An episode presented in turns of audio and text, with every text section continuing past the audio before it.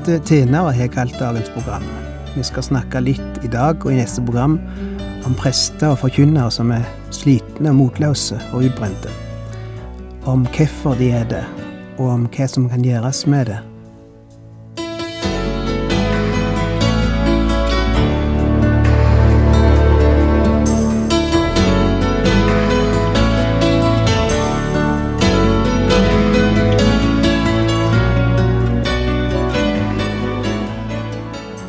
Hjertelig velkommen til et nytt program i serien Vindu mot livet.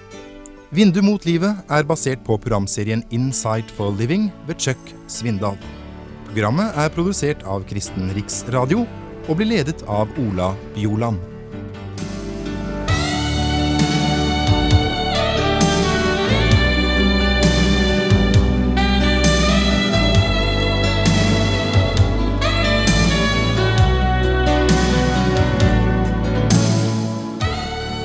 Av og til er prester samla til konferanser eller kurs der vi snakker om forskjellige sider ved det å være prest.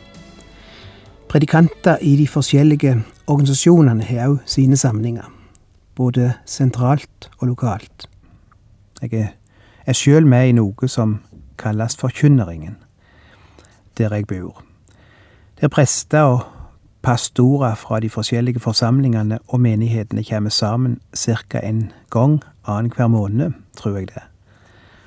Så har vi prestemøter av forskjellige slag. Og så har jeg ofte vært med på de såkalte arbeidermøtene i de forskjellige kristne organisasjonene, der de fast ansatte arbeiderne er samla noen dager, ofte omkring nyttårsskiftet. Og deriblant er det en del forkynnere. Og det er alltid godt å være på slike samlinger, for du møter folk som er i samme situasjon som du, og du kan få ta opp og snakke gjennom en del ting som knytter seg til tjenesten, til det å være prest eller til det å være forkynner eller sjelesørger. Og det er klart vi snakker ikke bare om oss sjøl. Det vi kanskje snakker mest om, er dere som er tilhørere. Forsamlingen, menigheten, tilhørerne. Du vet hva folk i en menighet snakker om når presten ikke er i nærheten. De snakka om presten. Vet du hva prestene snakker om når tilhørerne ikke er i nærheten? De snakker om tilhørerne. Og et trekk jeg har merka meg de siste åra, er at mange prester og forkynnere skifter beite ofte. Veldig mange prester blir ikke i sin menighet så lenge som det var vanlig før. De slutta etter forholdsvis kort tid, mange av de. Og det er et faresignal, tror jeg. For det må ha en årsak. Det må ha noe å gjøre med forholdet til den menighet, eller den forsamling, eller de tilhørende som de betjener. Ikke at jeg mener det er galt hver gang en prest slutter eller skifter beite etter kort tid. Somme ganger er det sunt. Somme ganger er det nødvendig. Noen mennesker trenger å flytte. Og noen menigheter trenger å få ny prest. Og jeg vil våge å si det i dag. Noen menigheter eller forsamlinger trenger kanskje å legge ned hele virksomheten. Jeg vet mange ser rødt når jeg sier noe slikt. Tenk å si at en skal legge ned Guds arbeid, selv om det går tregt.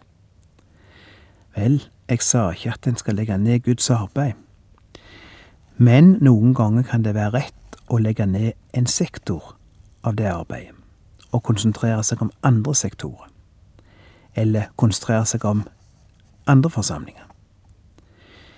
Noen forsamlinger trenger kanskje å tenke igjennom om de bare skulle stenge dørene og slutte, og la andre forsamlinger på plassen ta over. Alt til si tid, og det er ingen lover som sier at en organisasjon eller en forsamling eller ett arbeidslag skal vare evig. Jeg har sagt det før, Gud skifter folk, og Gud skifter metoder. Og det kan være sunt for oss å ha den innstilling at en dag kan det hende han vil kalle meg til å slutte med det jeg holder på med, fordi det har hatt sin tid, og fordi han har andre planer for meg, eller for det arbeid han vil jeg skal stå i. Jeg tror det er sunt å tenke slik. Og jeg tror det er mye arbeid som blir holdt kunstig i livet bare fordi vi betrakter det som ei hellig ku. Vi betrakter det som noe som skal bestå i den form og i den skikkelse så lenge verden består. Men da kjenner vi ikke Gud. Og da kjenner vi ikke vår egen historie, faktisk, som kristen kirke. For der oppstår det stadig nye redskap, mens andre blir lagt ned når de er tjent si tid og nådd sine mål. Vel, iallfall møter vi mye trøtthet og frustrasjon, og av og til utbrenthet, når vi er samla som prester. Og i noen tilfeller kan kanskje ikke problemet løses på annen måte enn at den presten flytter ifra den plassen, eller den forkynneren slutter i den organisasjonen. Jeg sier ikke det alltid er løsningen, men det kan være det i enkelte tilfeller. At det rett og slett kan være på tide å skifte beite. Men det er vel kanskje i de færreste tilfellene. Jeg hadde lyst til å se litt på noen av de ting som kan gjøre en prest og en predikant utslitt og frustrert. En ting som vi ofte møter når vi er samla slik, er uløste konflikter i forsamlingen varige, uløste konflikter. Det er ikke få slike, og det er ikke få prester og forkynnere som sliter med slike ting. Konflikter i forhold til sine tilhørere. Og ingenting tærer på kreftene og stjeler energi, overskudd og glede i tjenesten, som det å ha uløste konflikter i forhold til de en arbeider for å tjene Det kan være at presten eller predikanten sjøl er av en slik personlighet at han skaper konflikter rundt seg.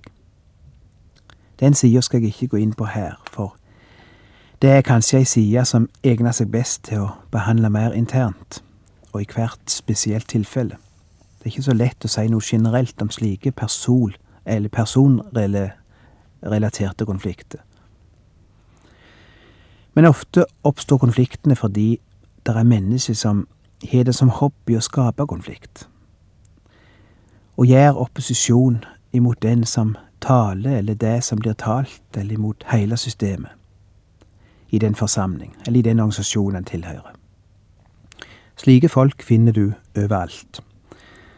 Og en del av disse finner sin vei inn i en forsamling av en eller annen grunn, for å utøve sin virksomhet der og de er de siste som vil forlate forsamlingen. Det er akkurat som de har sett seg i hodet at de skal klare å øyelegge den forsamlingen før de pensjonerer seg. De blir stående der og lage problemer og hodebry for lederne, eller for forkynneren. Og jeg snakker ikke nå om konstruktiv kritikk, sunne motforestillinger. Jeg snakker om mennesker som alltid sier nei, nei, nei. Jeg fortalte for ikke så lenge siden om en kollega som hadde vært prest i en forsamling i 40 år. Og noen av de som satt i styret i alle disse 40 år, hadde også sittet i styret under den forrige pastoren. Og de er altså fremdeles i styret. Og denne kollegaen fortalte, her en dag traff jeg en av disse eldre styremedlemmene som har sittet der i 40 år, pluss alle åra før jeg kom under den forrige pastoren. Jeg vet ikke hvor mange år han hadde sittet da. Men det må iallfall være flere mannsaldre denne karen har sittet i det styret. Og denne pastoren sa det er umulig å få han ut. Og jeg traff han her en dag, og han sa jeg beklager at jeg ikke kunne komme på styremøtet i går kveld. Jeg hadde tenkt å være der så jeg kunne stemt imot. For han stemte alltid imot. Uten unntak stemte han imot alt som ble planlagt av investeringer og framdrift og forandring eller hva det var. Stemte alltid imot. Det er slike som ofte tar kreftene ifra en pastor eller leder i Guds rikes arbeid. Og det fins vel neppe en forsamling der der ikke er en eller flere slike. Og hvis de ikke er der, så kommer de nok en dag. Du kommer på å støyte på en før eller seinere. For slike folk fins i hver bygd, og noen av de vil finne ut at den, den beste plassen, og kanskje den eneste plassen, de kan stemme imot alt uten å bli kasta ut, er nettopp den kristne forsamling.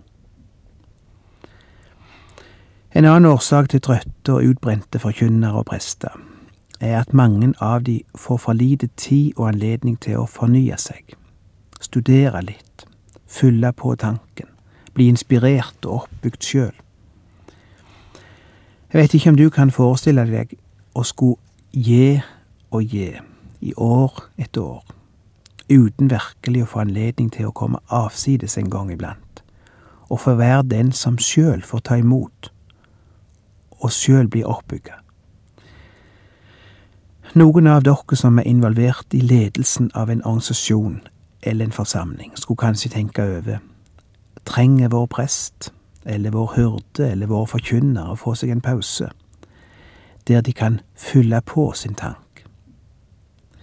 Burde vi gi han en permisjon? Burde vi sende han bort noen uker eller noen måneder? Nye krefter, nye tanker, ny inspirasjon.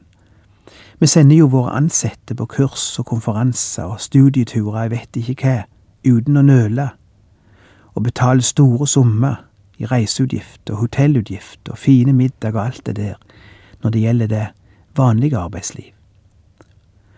Og for ikke å snakke om lederen i et firma. Det er en forutsetning for at de skal være a jour, og for at de skal være i stand til å lede bedriften eller avdelingen i en ny tid med nye utfordringer. Det er en forutsetning at de får komme til plasser der de kan oppdateres. Hva er med å oppdatere våre prester av og til?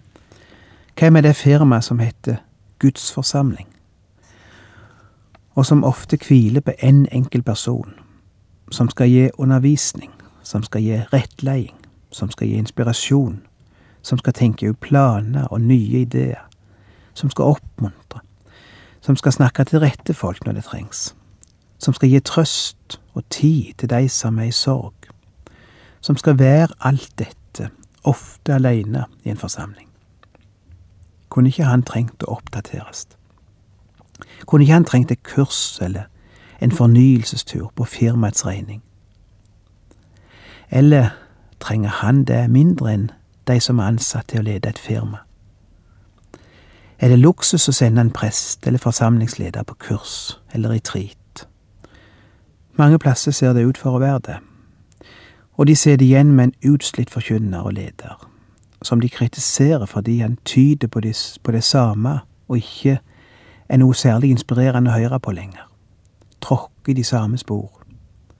Ja, men i all verden, hva kan du vente av en som har stått i 150 arbeid i ti år, uten så mye som et lite fornyelseskurs i disse åra.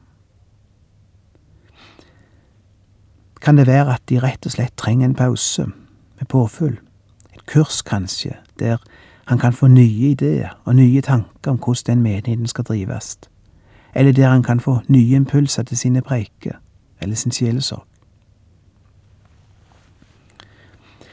Et tredje punkt jeg ofte møter, er prester eller forkynnere som er for lite åpne overfor sine forsamlinger. Rett og slett ikke våge å være sårbar, hvis du forstår hva jeg mener. En er så redd for å bli privat at en aldri snakker om seg sjøl, eller gir uttrykk for hvordan en har det, eller hvem en er. Så lett det er for oss profesjonelle forkynnere å bygge en festning rundt dere, grave ei vollgrav rundt, som er fulle med vann og sultne krokodiller så ikke en sjel våger å engang bygge en bru, ei bru over det vannet, så de kan nå inn til oss. Jeg hører om en prest som hadde vært prest i samme forsamlingen i ti år, og forsamlingen visste ennå ikke hvor mange barn den presten hadde. De visste ingenting om hans familie, eller hvordan han hadde det privat. Det er å gå litt for langt. Menigheten skal vite litt om deg. Menigheten ønsker å kjenne sin prest, vite hvem han er. Og de trenger å vite at deres verden er lik prestens verden. Det hjelper de til å forstå at òg du bare er et menneske. Det hjelper de til å identifisere seg med deg, og våge å komme til deg med det som er vondt. Og det hjelper de framfor alt til å be for sin prest. Og så er det et annet trekk jeg ofte finner hos utbrente pastorer og forkynnere. De mangler visjoner, eller rettere, de er tapt visjonene. Og det henger ofte sammen med et veldig skjørt sjølbilde, og lite tro både på seg sjøl og det de står for, og faktisk det de forkynner. De ser ofte på seg sjøl, og det de ser der, det skremmer de. Det er ikke noe særlig å skrive hjemme om. Og det tar frimodigheten ifra de, og visjonene. Og du kommer inn i en slags passiv, defensiv likegyldighet. De har ingen andre ambisjoner enn å få lov til å fortsette i sin stilling, lov til å holde det gående. Og de har gitt opp å evaluere seg sjøl, eller la andre få evaluere dem. De vil ikke lytte til gode råd og korrigering, rett og slett fordi de har så lite tro på seg sjøl at de er ikke i stand til å ta en skuffelse. De vet det ikke står så bra til med det, med det de gjør, eller med det de formidler, og derfor orker de ikke å høre andre si det heller. De beskytter seg imot kritikk eller evaluering fordi de har så lite sjøltillit. Å, vi trenger å få igjen visjonene trua på det vi driver på med, trua på det ordet vi forkynner, og den tjenesten vi står i. Vi lever i ei tid da vi ikke trenger be om unnskyldning for å være en ordets tjener. Vi lever i ei tid som hungrer etter sannhet ifra Guds bok, etter hjelp til å leve, etter nye verdinormer og nytt livsinnhold. Og vi har det beste å gi dem, og vi trenger å se det. Amos sine ord er like aktuelle i dag som den gangen da han sa der er en hunger og en underernæring som går over landet. Noe i den duren var det Amos sa. Og giss om det er sant for den verden vi lever i i dag. En hunger etter Guds ord, og en hunger etter kjærlighet og etter omsorg. De to tingene henger sammen. Det tragiske er å se at vi ofte splitter opp de to tingene. Det blir liksom et enten-eller. Enten får du god undervisning og god teologi i en forsamling, og så mangler det kanskje kjærlighet og omsorg og nærhet i den forsamlingen. Eller du får det siste, men så mangler det kanskje sunn undervisning og sunn teologi. Har du lagt merke til det? At de plassene du kanskje får sunn lære servert, føler du ofte det mangler omsorg og nærhet og kjærlighet. Du føler iallfall slik. Og de plassene du kanskje får den nærhet og omsorg du trenger, er du kanskje ikke rolig for den teologien som serveres, eller den læremessige halt i det som forkynnes. Men det burde ikke være slik, for disse to tingene burde henge sammen. Sannheten, tro i kjærlighet heter det Guds ord. Det skal være sannhet, og gitt som mennesket i dag trenger å få høre sannheten. Få grundig undervisning i hva som er sant, og hva som ikke er sant. Få grundig undervisning i rett og sunn teologi. Men like mange trenger å høre og møte omsorg og praktisk kjærlighet og nærhet. Vi trenger begge deler i en forsamling. I sitt andre brev til Timote skriver Paulus i vers to i kapittel fire. Forkynn ordet, stå klar i tide og utide, overbevis, tal strengt, tal trøst. Gi ikke opp når du lærer dem. Og hvis du lurer på når denne tida kjem, som det tales om her, så er den her nå. Det er vår tid Paulus skriver. Kan hende det har vært aktuelt òg i tidligere tider, men det er iallfall et ord for vår tid. Tal ordet, forkynn det, vær rede i tide og utide. Hvorfor sier han dette med en slik pasjon? Jo, fordi dette verdenssystem som vi er omgitt av, er så overbevisende. Det omgir oss overalt, og folk drikker det hver eneste dag. Vi pumpes fullt av, fulle av det, gjennom radio og fjernsyn og aviser og holdninger på arbeidsplassen og i skolen og i kameratflokken. Hele uka møter vi et system som står imot Guds system. En filosofi som står imot Guds filosofi. Og da blir én time i uka litt lite til å rette opp alle inntrykkene og korrigere alle tankene som har vært under kontinuerlig press ifra livssyn og filosofier som er imot Guds tanker. For det skal komme en tid da folk ikke tåler den sunne lære, men slik de finner det for godt, skal de ta seg lærere i mengdevis, for de vil heller ha noe som klør dem i øret. De skal vende seg fra sannheten, holde seg til myter. Du ser, vi lever ikke i et vakuum. Ingen lever i et vakuum. Når du sier nei til sannheten, så sier du ja til løgn. Når du sier nei, Gud, jeg vil ikke, jeg vil ikke vite hva du mener om dette, så sier du ja til hva som er verdens filosofi om dette, og du sier ja til løgn. Så enkelt er det. Og derfor vil folk ha det som klør i ørene. Og det er ikke Guds sannhet, det er løgn. Du velger ikke nøytral sfære når det gjelder livssyn. Det fins ikke noe slikt som nøytralt livssyn, eller nøytrale verdier. Idet du sier nei til noe, så sier du ja til noe annet. Og Derfor oppmuntrer Paulus de som forkynner ordet, til å stå på, forkynne det i tide og utide, holde det fram, sette folk på valg, gi dem undervisning i Guds tanker. Vi står foran en verden som hungrer etter dette, samtidig som mange ikke vil høre det. Det er ofte frustrasjon for en forkynner. Noen vil like det, andre vil ikke ha det. Noen vil gjøre alt det de kan for å stoppe deg. Andre, og det kan ofte være slike du ikke hadde venta, kan komme og si det er der stoffet tror jeg på, jeg vil gjerne høre mer om det, jeg tror det er slikt vi trenger å høre i dag. Så det er spennende òg, det er spennende å forkynne ordet, men det er òg en kamp, det skal jeg si det. Og av og til blir vi forkynnere trøtte i kampen. Og det er trøtte forkynnere jeg har hatt i tankene i dag. Og som jeg vil at det som er tilhørere skal ha i tankene litt i tida framover. Prøv å sette deg inn i deres situasjon. Jeg vet noen av dere tenker det må være vidunderlig å kunne forkynne Guds ord. Ja, det har sine vidunderlige sider. Det har det. Men det er minst ti ting jeg heller ville valgt å gjøre hvis jeg kunne valgt nå.